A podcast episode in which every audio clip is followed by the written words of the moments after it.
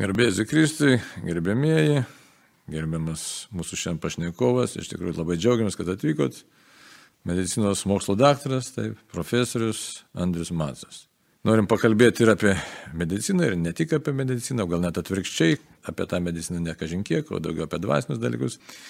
Tai kas jūs esate? Jūs esate medicinos mokslo daktaras ir reanimatologas. Taip. Mūsų specialybė yra bendra, mes esame anesteziologai ir reanimatologai, kurie ir atliekam anestezijas, darom narkozės, kaip žmonės sako, bet kartu ir gydom pacientus intensyviai terapijai. Tai yra tokia specialybė. Taip, ir tokia, nu, savotiškai tokia, kaip iš šono žiūri, tokia labai daug įtampos reikalaujanti specialybė, nes, nu, sakysim, ten vienas gydytojas tą gydo, kitas kitą, o jūs vis tiek visą laiką buvojat tokioj kritiniai situacijai, kai reikia žmogų gelbėti tiksliau gelbėti jo gyvybę, taip? Jo, iš tiesų tai vis tiek turbūt paribio medicinos rytis, kuri, nu, tokioj balansuoja, taip, tai yra kritinių būklių medicina, kur kartais viskas baigėsi labai greitai.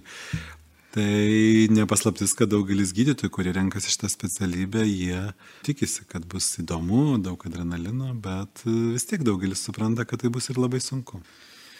Tai ten, kaip mes, nu, iš šono, čia jau, kaip sakyti, čia pasakyti, eilinis pilietis žiūri, tai jeigu patenki tą reanimacinį, kiek aš ateinu ten patepimą duot, tai ką matai, tie ekranai visokie, nu ten spaudimas, tas anas tenai, paskui jeigu intubacija, nu ten tokie dalykai, tai jums tai yra kasdienybė, ne? Ir tokia kova e, už žmogaus gyvybę, galėtume sakyti, kova su mirtimi, sugražinti žmogų į gyvenimą. Tai Dabar klausimas būtų toks mūsų netokio kalbėjimo. Aiškia, tai kovojat už žmogų, tai paėmus, kovojat už žmogų neretai turbūt būna ir pralaimima ta kova, nes tai reanimacija. Tikrai taip. taip.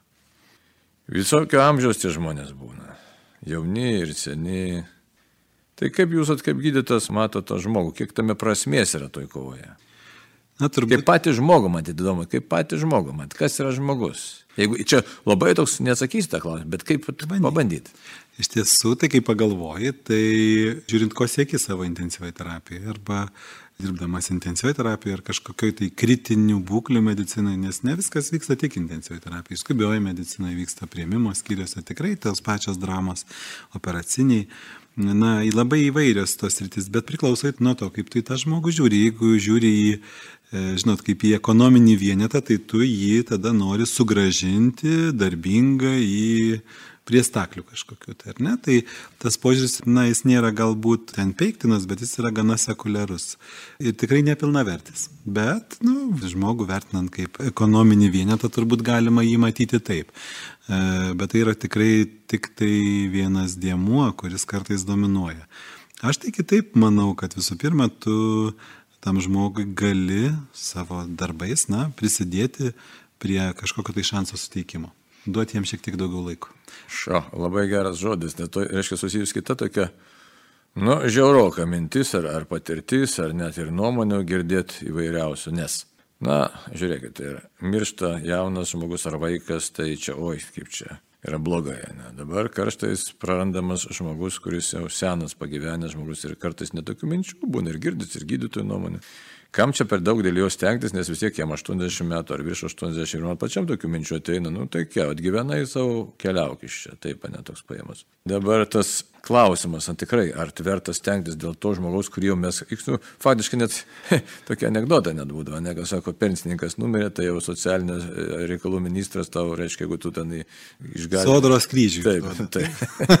Žodžiu, tau premiją duoda. Taip. Žiūrėkit, turbūt labai paprastai Ta e, intensyvioji terapija anksčiau buvo daug sveikesnė, e, lūkesčio prasme. Kodėl? Reanimacija arba tas, kas vad gaivinimas, tai yra e, greiti veiksmai įvykus staigiai būklei. Ar ne žmogus staiga neteko sąmonės, staiga sutiko kraujotą, kai ištiko infarktas, insultas, tu dedim visas pastangas padarai viską, kad žmogų sugražinti. Taip, tas jo vėlesnis veikimas gali užtrukti savaitėmis, bet tu gydai ūmę kritinę būklę ir tau ramu. Ir čia nėra svarbu. Aišku, labai jautru yra vaikas, bet visiškai tinka ir vyresniam žmogui. Jeigu 80 metų žmogus patyrė infarktą ar 90, bet jam pavyksta greitai. Ta angliška frazė tokia yra hit hard, hit fast, stop early. Pradėjai greitai, pradėjai konkrečiai, bet, nu, nepadarai iš žmogaus, aš turiu turbūt tai pasakyti, medūzos.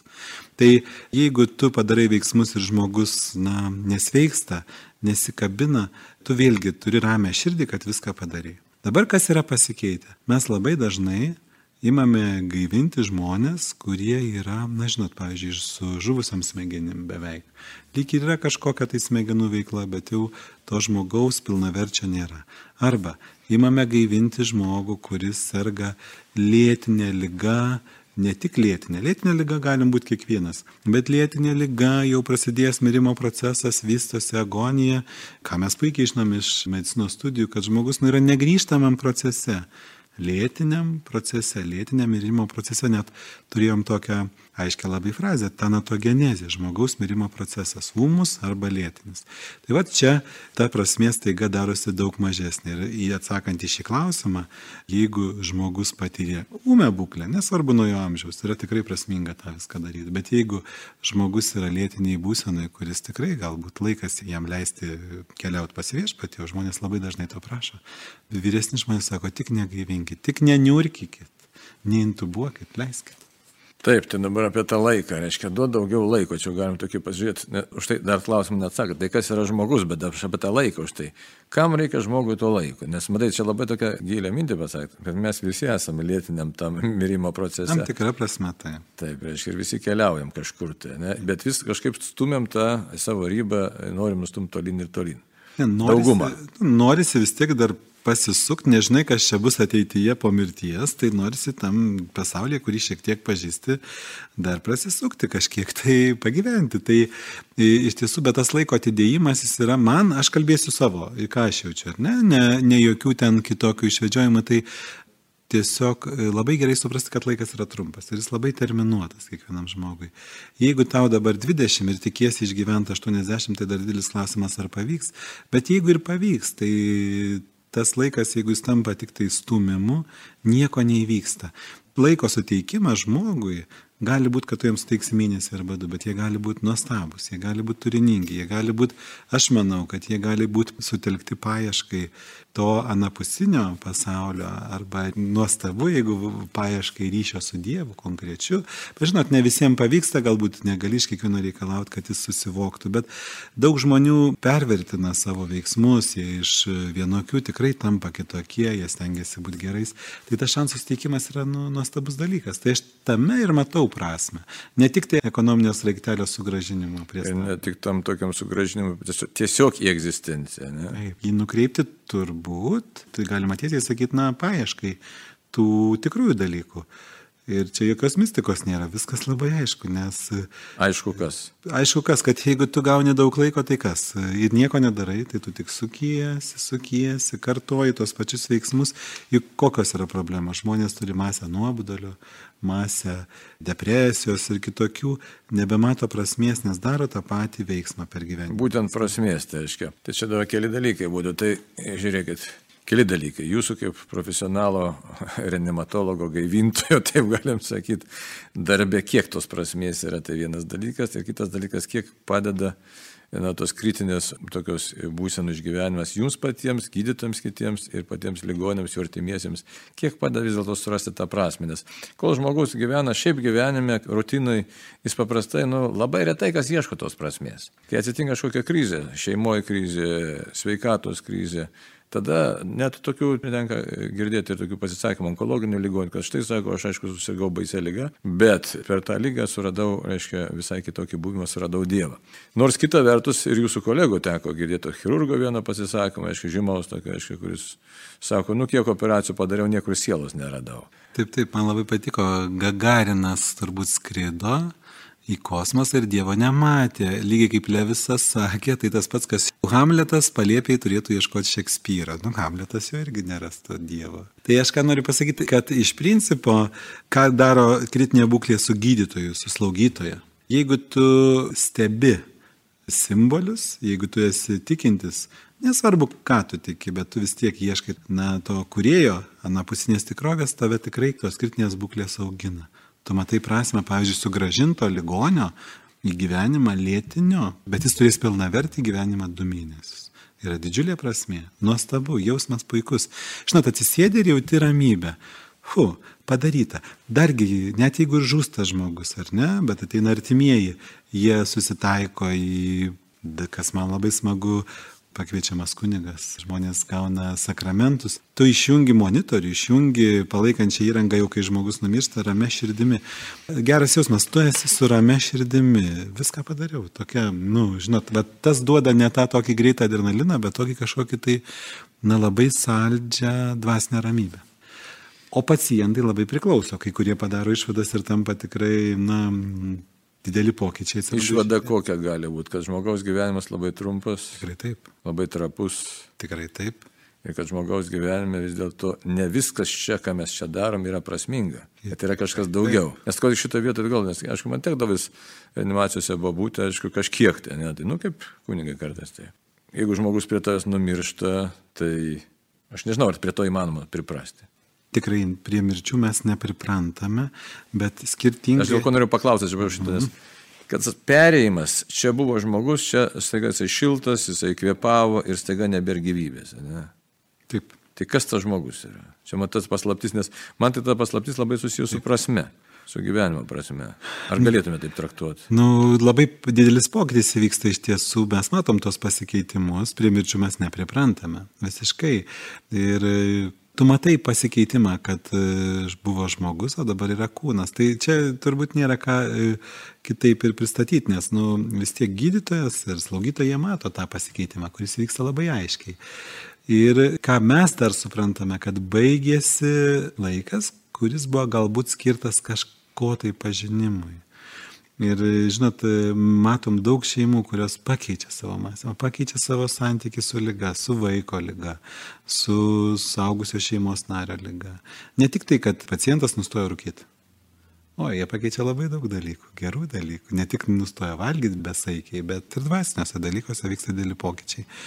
Tik dabar jiems vykti yra sunkiau, nes nepaslaptis, kad visuomeniai nepatogu kviesti kunigą buvo ir anksčiau, dabar ypač nepatogu, todėl kad yra COVID pandemija, todėl kad nepatogu, ką žmonės pasakys, nepatogu, ką ligonis pagalvos, kad jau jis turbūt miršta. Tai čia daug tokių dalykų jie vis stiprėja ir tas man labai yra iš tiesų liūdna.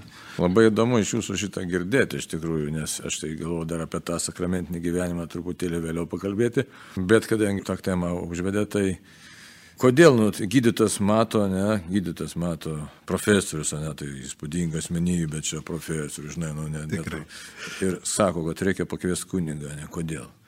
Žinot, jeigu tu esi tikintis, tai tu matai tame prasme. Kokią? Sakramentų galios prasme. Nu, turbūt aš nesu teologas, bet aš tikiu, kad tie sakramentai keičia, kad tie sakramentai išlaisvina žmogų. Na, išlaisvina iš nuodėmės, galbūt neišlaisvina iš pasiekmių, viskas su tom pasiekmėm bus ten išspręsta. Anapus, ką reiks ten teks daryti. Bet, bet esmė tokia būtų, ne, kad iš tikrųjų mums svarbiausias dalykas, ieškant prasmės, tai yra santykis su Dievu. Ir, ir mirties akivaizdoje tai mes ypatingai galėtume išgyventi arba išgyvenama, ne? Taip, ir turbūt sakramentai. Nes kito sprendimo mes neturim. Absoliučiai. Ir visgi sakramentai aš vis tiek grįžtu, tai turbūt gal tai yra galimybė prisiliesti arba lengviau prieiti prie Dievo ir rasti tą santykį su Dievu. Nu, matot, aš kaip gydytojas tą matau. Man tai labai svarbu, kad tas būtų vis tiek tikiu sakramento gale ir aš labai noriu, kad jisai įvyktų. Nu ir jisai vyksta. Ir jie vyksta stebuklingai. Aš tikrai noriu vieną pavyzdį jums papasakoti. Žmogus buvo, kuris buvo vyresnio amžiaus, bet nebuvo senas. Bet sirgo kraujagyslių lyga, jokia ne onkologija, kraujagyslių lyga ir jam staiga vieną dieną užsidarė centrinė kraujagyslė aorta. Na, užsitrombavo. Įvertinti buvo visos galimybės, chirurgai staigiai sutelkė jėgas, bet buvo aišku, kad jokio techninio sprendimo nėra lieka 2-3 valandos, kol žmogus dideliuosios skausmuose žus. Ir aš ateinu, tai buvo šeštadienio rytas, chirurgų sprendimas, tikrai labai patyrusių žmonių sprendimas, kad dėja, bet nieko negalima padaryti nei jokioje pasaulio šalyje ar ligoniai.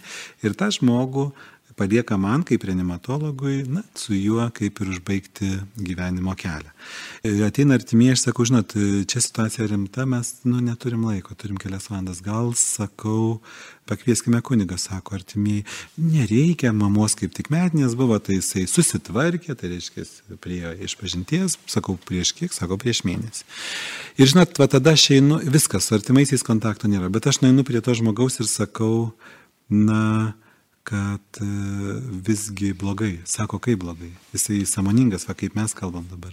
Sakau, labai blogai. Žmogus sako, aš labai gražiai atsimenu jo klausimą, nes jam ir skauda, dar netaip stipriai sako, kiek. Nusakau, 2-3 valandos. Jisai visiškai ramybei taip pažiūrėjo. Mm. Sakau, žinot, gal kuniga pakvies, sako, kvieskite. Ir žinot, aš turėjau tokią patirtį, kad mes pakvietėme mūsų kapelioną, vieną iš kapeliono Kauno klinikų, kuris atėjo ir aš dar nemačiau tokios geros būsenos mūsų visų trijų, tai paciento, žmogaus, kunigo ir mano. Ne tik žmogus priėmė pilnavertį atgailos sakramentą, suprasta, ne tik tai šventąją komuniją priėmė, ne tik tai gavo ligonių patepimą, ne paskutinį, bet ligonių patepimą. Taip, jis buvo paskutinis. paskutinis. Taip, jis buvo ir paskutinis, bet mes, kas įdomiausia, kad buvo tokia lengva širdis, kaip aš sakau, kad mes juokėmės, nors teko jam po truputį didinti vaistų dozes tuo metu, bet mes, e, kapelionas, kuris liko pas mus reanimacijai, kaip aš sakau, radom laiką ir arbatai, Jau pacientui arbatos nesinorėjo, bet mes juokėmės, tikrai, turbūt galiu sakyti, kvatuojamės ir atrodo protų nesuvokiama, kaip taip gali nutikti. Bet nutiko gerai ir jisai taip ir buvo po trijų valandų, teko didinti vaistus nuo skausmo, tie vaistai šiek tiek ir įsėduoja, mygdo ir jisai žmogus numirė. Bet jausena buvo puikiai. Ir žinot, išeini, va tas žodis išeini lengva širdimi iš darbo, o nesunkia. Puiku, o to ir norisi. Kokią galėtume tokią savo padaryti tokį nesavotišką atsakymą, ne? kad žiūrėkit, šitas jūsų pavyzdys labai tinka. Žmogus gyveno gyvenimą, kovojo savo kovas visą gyvenimą, kokias ten kaip žmogui tenka ir nuodėmės ir taip toliau ir visą kitą. Ir pabaiga labai šviesi. Taip. Nuodėmių ten būtų, rūkimo, visokio lygų. Nesvarbu, bet viltis reiškia ne tik, kad viltis, Ei. bet vilties išsipildymas. Mes turėtume šitą vietą kalbėti apie vilties išsipildymą. Nes jūsų tam darbe tai iš tikrųjų daug tų vilčių ir sudūšta, nes vis tiek kiekvieną ligonę gaivindamas tikėsi, kad jis atsigaus. Taip, atsigauna. Net ir beviltiška situacija. Atsigauna Nesvar, ne visi. Taip, nesigauna ne visi. Bet šitoje vietoje kas yra pavyzdys, kad štai tikėjimas, žmogaus tarpumo pažinimas randa atsakymą, būtent reiškia, reiškia tikėjimą. Taip. Taip. Šiaip labai gera jausena būna. Tikrai, kai žmonės turi dar vieną tokią gražią istoriją. Reiškia, kviečiame pacientai, kuri serga sunkiu miocardo infarktu, kuniga, nes artimieji pageidauja ir pati pacientė lyg ne prieš, jai sunkiau suprasti, pakviečiam. Šalia labai sunkus vyras, kuli, jaunas, sakau, žiūrėkit, žinau, kad jo rizika numirti irgi didelė. Sakau, gal ir jūs norėtumėte? Oi, ne, sako, aš tai labai padedu savo klebonui, panešu kryžių per laidovės, aš šiaip geras esu, viskas tvarkas. Nu, galvoju, neprikalbinau šitą vyruką. Ir tai pacientė lygiai taip pat priima sutaikymo sakramentą priima šventą komuniją, tada prie firankos, kaip aš sakau, gulintis reanimacijoje mes turime bendrą tą erdvę, sako, žinot, nu ir aš noriu. Ir man labai patiko tas, tai žmogus su kapelionu tiek kalbėjosi ir va irgi tie bendri gražus pavyzdžiai uždega. Žmogus tikrai su rame širdimi priemė ligonių patepimą ir galiu pasakyti, fantastiškai pasveiko. Ir jisai toliau gyvena ir toliau turbūt tą kryžių e, savo klebonui parapijoje paneša per laidotuvės. Dabar matom, kad mūsų visuomenė tokia pakankamai, na, vertybiškai pasiklydusi, galim šitaip sakyti. Tikrai. Pasiklydusi. Ir vienas iš tų pasiklydimo tokių elementų yra, kad jau nebesusigaudo žmonės nors labai nori laimės, tikrai nori laimės. Jūs gelbėt žmonės reanimacijoje, nu čia bažnyčia kita reanimacija, tada dvasinė reanimacija, iš tikrųjų, nes kiek praeina žmonių su skirybom, kiek, reiškia, sudužusių meilės, sudužusių širdžių, neišsipildžiusių lūkesčių, nelaimingi tėvai, nelaimingi vaikai, nelaimingi anūkai. Tai aš kartais tiesiog jaučiuosi, nu, tikrai pavargęs. Rimtai sakau. Šiam reanimacijos kartais reikia nežinau kokios, Nes kaip aš kartais įvardinu, kad toks negaros krioklys. Slenka. Slenka, jis tave slegia ir, ir tų nelaimingų žmonių, nežinau, ar man čia toks vaizdas, bet jų nemažėja. Ir ypatingai, kas mane liūdina, jeigu taip sakyti, tikrai liūdina, dėl ko taip kalbu, net liūdina, kad, sakysim, 8, 9, 11, 12 metų vaikai nenori gyventi. Įsivaizduot. Yra bandymo net žudytis. Tai Taip, nes eradikuojame latiniškai, tai lietuviškai šaliname iš savo šeimų, iš savo aplinkos Dievą, šaliname kažkokį tai tikėjimą e, kuriejų, na ir turime tuštumą šeimose, aplinkoje ir visur kame. Tai dabar jūs, sakytume, galėtumėt na, pasidalinti mintimis būtent apie vieną tokią kritinę situaciją, apie krizę vertybinį sutrikimą, sakytume, apie šeimos sampratą šiandieninį, kaip jūs matote, nes jo lab, kad kokią šeimą turit, kiek tų vaikų? Nu, turiu šitam pasaulyje šioje žemėje šešis vaikus, vienas buvo septintasis Benjaminas per mažas šiam pasauliu, bet tikrai labai džiaugiuosi, kad tokią galimybę Dievas davė. Žmona tokia ir kantrė ir na, nepaisant tikrai šeimuose, kiekvienasgi patiriam išbandymų ir labai didelių išbandymų. Ir jeigu turbūt paimtumėm kiekvieno mūsų patirtį, tai žinot, šeima yra nelengvas pasivaikščiojimas. Ne dėl to, kad ten kažkur nesutari, gali puikiai sutart, bet tenka auginti vaikus, ypač šiam pasaulyje, kur labai sunku sudėti tos orientyrus norisi sudėti labai aiškius orientyrus, bet pasaulis ką sako visai kitas, kam to reikia. Ir mes turime tikrai labai sunku periodą, manau, kad ypatingai sunku šeimom, manau, kad tai yra tikrai kertinė lastelė visuomenės, kur ne tik gimsta auga žmogus, bet jisai bręsta dvasiškai. Ir tas dabar laikinama, norima padaryti, aš nenoriu kalbėti klišėmis, naikinama, bet žiūrėkit, ką norima transformuoti. Norima sukurti sterilius dirbtinius konstruktus, kurie net ir kaip tu ten dirbtiniai juos darysi nesteriliais, bet tai vis tiek bus saulėlydžio šeimos, jos nesivadins šeimomis. Tai va tas išbandymas šeimom per viską, pakeičiant jų sampratą, pakeičiant, kad šeima yra ne vyro ir moters sąjunga, na, pakeičiant, kad vaikai nepriklauso tėvam, be abejo, jie priklauso Dievui, bet priklauso valstybei, nu tasgi daroma dabar. Bet tai mes jau tą išgyvenom. Bolševikmetis, tai aiškiai, tą labai aiškiai darė, aiškiai norėjo padaryti, internatų buvo pristeigta. Bet kunigė Arnoldai, bolševikmetį išgyvenom, bet marksizmas nesibaigė su vėjeliu atkeliauja. Ir jeigu mes pakalbėtumėm čia labai įdomios temos apie užsienio universitetuose klestinti marksizmą ir naikinamą Dievą, tiesiog naikinamą, jau net nekalbam apie krikščioniškas pasaulyje žiūrą, kuri tikrai su, su didžiuliu užsidegimu ir įtūžiu yra naikinama akademinėse bendruomenėse, ačiū Dievui, Lietuvoje dar ne visur tikrai yra tų ramių vietų. Tai tas pats keliauja ir į šeimas. Bet labai keista, iš tikrųjų, labai keista, jeigu, sakysim, dažnai operuojama mokslo vardu visuomeniai. Ne?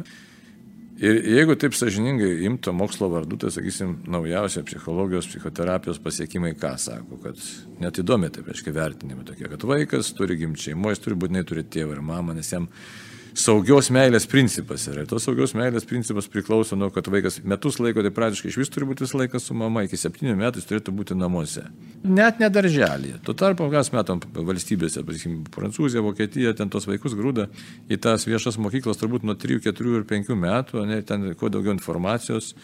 Na ir kaip sako, ir dabar tokie konstruktai ateina, kad štai čia kuo mažiau tų vaikų būtų, nereikia vaikų, santokos sakramento nereikia, šeima gali tokia kažkokia labili sistema vienalytė šeima, žodžiu, tai, kas mokslo patvirtinta, jeigu imkim net, nu, didžiausias pavardės, sakysim, tiesiog galėtume sakyti psichoterapijos, psichologijos korifėjus, tai tikrai pasakys, kad reikia tėvo ir mamos ir mama atstovauja tą saugią meilę ir jeigu net meilė nesaugi, tai yra mama, pavyzdžiui, jeigu tokia nestabili isteriška asmenybė, tai vaikas į gyvenimą išeina nesaugus, reiškia tėvas vėl, tėvo socializuojanti meilė. Tai va, tai dabar, reiškia, jeigu kalbėtų mokslo kalba, tai turėtų priimti šitą tą mūsų visuomenę, kas tai šitaip yra.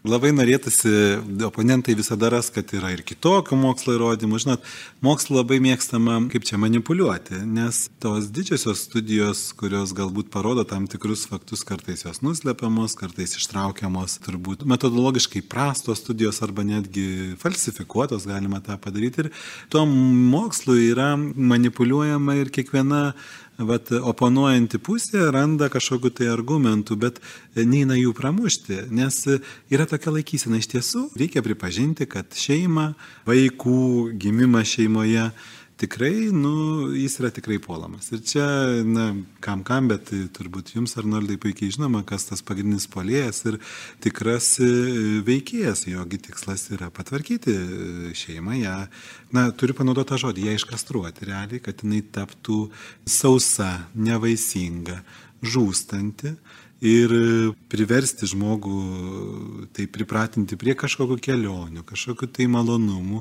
kad vaikas, nu žinot, su septyniais, šešiais vaikais nepaskraidysi nei į Braziliją, nei į Makčių Pikčių ir kažkur pasivaikščiat. Tu tiesiog esi po truputį tau trupina to tokio gerbuvio ir tu nebenori eiti tuo keliu, nes tai yra tikrai vargas, tai yra džiaugsmas, at ne, bet tai yra ir tikrai didelis darbas, tai yra, na, kai kur savęs atsižadėjimas. Daug kur tu nežinai, kaip viskas baigsis. Nagi visko gali nutikti, ar ne? Gali būti ir daug skausmo. Bet vis tiek, jeigu tu tiki, tave tas neša, tu turi to džiaugsmo. Bet nepaslaptis, kad žmonės bando veikti, jos bando sterilizuoti, nuspausti ir tada kyla klausimas, kas bus po to? Kas šituose žemėse, derlingose, gražiuose Alpėse, Prancūzijos Alpėse, Šveicarijos gyvens? gyvens tos tautos, kurios negreuna šeimos instituto ar negreuna šeimos sampratos, užtenka tik pasižiūrėti rytų šalis, tai ten skaičiai yra visai kitokie. Bet ir ne tik tas motyvas, ne kad čia kas čia gyvens, bet dar ir gilesnis motyvas yra prasmės, ne motyvas, aiškiai, gyvenimo prasmės. Jo, bet jeigu taip paimti, jau labai pakalbėčiau turbūt bjauriai, kad žmogų paimti kaip biologinę rūšį, nu kokia čia problema? Jeigu rūšis išsigims, tai jinai sterilizuojasi, tai arba užeina kitos gentis, arba tiesiog jinai išnyksta kaip nesėkmė, nu, taip prastos, paprastos biologijos prasme tiesiog susinaikina. Na, tai bet čia toks būtų, nu, logiškai kylantis klausimas, nesinori net jau užduoti, iš tikrųjų, bet sunkus klausimas. Tai kam gali kilti šita luciferiška idėja naikinti šeimą vakaruose? Na, tai turbūt vis tiek vakarai susiję su krikščioniška pasaulyje. Ir aš vis tiek galvoju, kad čia pagrindinis oponentas yra ne iš šio žemės, kuris veikia ir turi pagrindinį tikslą įrodyti, kad, na, turbūt įrodyti Dievui, kad jis suklydo, duodama žmogui laisvę. Ir, ir protą. Taip toks vat piktas nevilties noras, kuris neapleidžia ir žmogus nesuprasdamas tam pasiduoda. Deja, taip yra. Ir suprantat, visi tie džiaugsmai, kuriuos dabar siūlo žmogui, šeimo žmonėms, visos galimybės, jos tikrai yra įspūdingos. Bet ką vat, mes jaučiame? Mes jaučiame medicinoje, tą jaučiame savo gyvenimuose. Gauni naują mašiną, jinai už savaitės nedžiugina gauni naują būtą, gauni naujų rūpešių krūvą. Ir tie nebedžiugina. Ir mes matom krūvą žmonių, pasaulis viskas nuliūdęs. Viską gauni ir nedžiugina, gauni ir nedžiugina. Žinot, yra toksai net anegdotas apie knysliuką, kuris, na, eina į stiliaus parduotuvę apsipirkti, gauna balionėlį, po savaitės atneša, sako, gražinu balionėlį. Sako, kodėl tu gražini balionėlį? Sako, todėl, kad jo dar klausia, gal spalva negera. Gera ta spalva, sako, tai gal dydis per mažas. Nu geras tas dydis, tai gal sako, tas e, šniurelis per trumpas. Geras tas šniurelis, tai sako, kas yra? Nedžiugina. Mm. Suprantat, žmonės nebedžiugina niekas. O nedžiugina kodėl? Kodėl nedžiugina? Kad santykio nėra Taip, nėra santykio, nėra. nes santykis, santykio vieta užimta ko? Būties, būties, gerbuvio, hedonizmo, malonumo, malonumo paieškos. Į tikrai malonumai visi labai malonus yra, bet jie tokie netvarūs. Ir kas baisiausia, arba liūdniausia, arba fenomenaliausia, pripažinti, kad tu gauni kažkokią tuštumą iš tų malonumų. Stabilę tuštumą ir nėra nieko gero. Šiaip tai tuštuma, jeigu tai paėmus dvasiniu požiūriu, tai yra velnio toks, nu, kažkaip veikimo ženklas iš tikrųjų. Taip. Žinot, dykuma nebūtų blogai, ar ne? Kur žmogus ieško santykio su Dievu. O čia taip kažkaip tave į tokį vakumą patalpina, kad tu neberandi jokių orientyrų, kur, už ko užsikabinti. Ir vėl tu eini valgyti, vėl eini kažkur keliauti ir tu užsisuki tame rate. Jis tikrai labai smagus, tas ratas, bet jis absoliučiai liūdnas. Ir vat to mes turime. Žinot, kartais matai labai skausmingą šeimą, matai, pavyzdžiui, sergantį vaiką, ar ne, ir galvoji, nu kaip čia Dievas čia tiems, bet iš tiesų jauti, kad jie tame sunkume yra nuolatiniam, e, net neverbalizuotam, reiškia, neišsakytam, bet ryšyje su Dievu nes jie visą laiką prie to vaiko, visą laiką, jie negali keliauti. Nu, gal pakeliauja ten tėtis ar mama, bet jie negali kaip šeima ten keliauti, bet jie visą laiką yra kažkokiam tikrume, santykiai. Ir aš turiu tokį... Čia geras momentas tikrume, nes matot, jeigu taip giliau pažiūrėti, aišku, dabar mūsų visuomenė visiškai nenori girdėti tos frazės, kad Dievas sukūrė žmogų pagal savo paveikslą ir panašumą ir kad viešpas pasakė, veiskitės ir dauginkitės ir pripildykite žemę. Tai dabar tos teorijos skleidžiamas, kad čia maisto neužteks, čia vandenis neužteks. Iš tikrųjų, tai problema visiškai ne čia. Problema tai vartojime, problema yra iš tikrųjų egoizme, problema už tai, kad yra perprodukcija tam tikram pasaulio dalyje, reiškia, ir nesidalinime, nemailėje problema yra. Reiškia, iš esmės tai problema yra nesantykėje. Taip ir dabar klausimas, reiškia, kaip jūs savo šeimoje suspėjate dabar su tais Nu, turim suspėti ir suspėjom, žmona augina. Na, dar mokslinį darbą reikia daryti, reikia dėstyti, dirbti. Dėstyti, dirbti, klinikinį darbą. Žmona augina vaikus ir jinai yra pasišventus tam, jinai studijavo teologiją. Vytauto didžiojo universitete ir nesirinko, nors turėjo tokią galimybę teologijos doktorantūrai, bet pasišventė vaiką. Man pradžioje atrodė, kad, nu kaip čia viską galima suderinti, bet, bet iš tiesų jinai tą pasirinko ir dėka to aš galiu dirbti klinikinį, pedagoginį ir mokslinį darbą. Ir, na, tikrai ta galimybė vis tiek yra. Vis tiek tu gali. Tikrai gali. Bet aišku, reikia dėliotis prioritetus ir žmonos pasišventimas yra, na, turbūt tikrai įspūdingas. Tai va. Bet neretai moteris šiandien sako, kad štai, nu, čia Aš dabar prarasiu save, savo grožį prarasiu, laiką prarasiu. Taip, ir mes matom masę nelaimingų jaunų merginų, kurios, aš tikrai galiu pasakyti, kad ir pas mus gydytojos, slaugytojos, kurios, bet gydytojas ypač, kurios tikrai yra nuostabios moteris, nuostabios specialistės, vis atideda, atideda savo e, šeimos sukūrimo laikotarpį atideda savo santykio su, su kitu žmogum, su vyru kūrimą.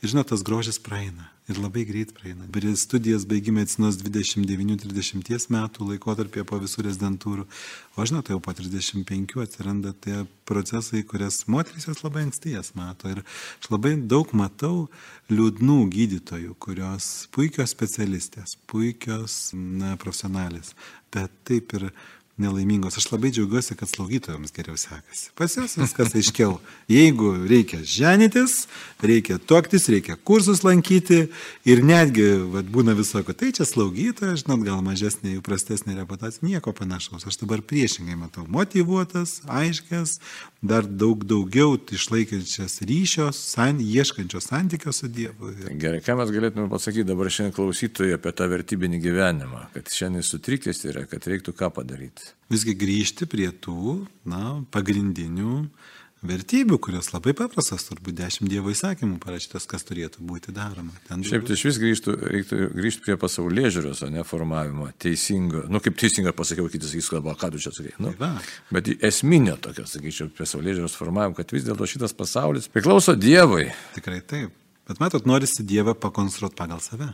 Norisi, kad yra puikybė ir išdidumas. Taip, norisi, kad Dievas, pavyzdžiui, žiūrėkit, aš pareikalausiu iš jūsų gailestingumo, tai aš reikalauju gailestingumo. Aš turėčiau jo melsti ir viltis, kad Dievas man bus gailestingas. Ir šventoji Faustina kalba apie Dievo gailestingumą, kuriuo reikia tikėti, bet nereikalauti.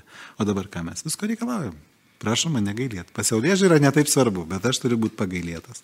Čia toksai jautrus dalykas. Mes visi klystam, darom tikrai didelės nuodėmės, mažesnės ar didelės, bet mes jas darome. Bet jeigu bent mes suprastumėm, kad jas darome ir išpažintumėm, ir norėtumėm, net jeigu ir vis tiek kartosim tūkstančius kartų tą patį, bet norėtumėm būti iš to išgailėti ir išgelbėti, tai viskas atsistotų į savo vietas ir šeimose taip pat. Vis tik mes galim pasakyti, šiandien žmogus yra pasiklydęs.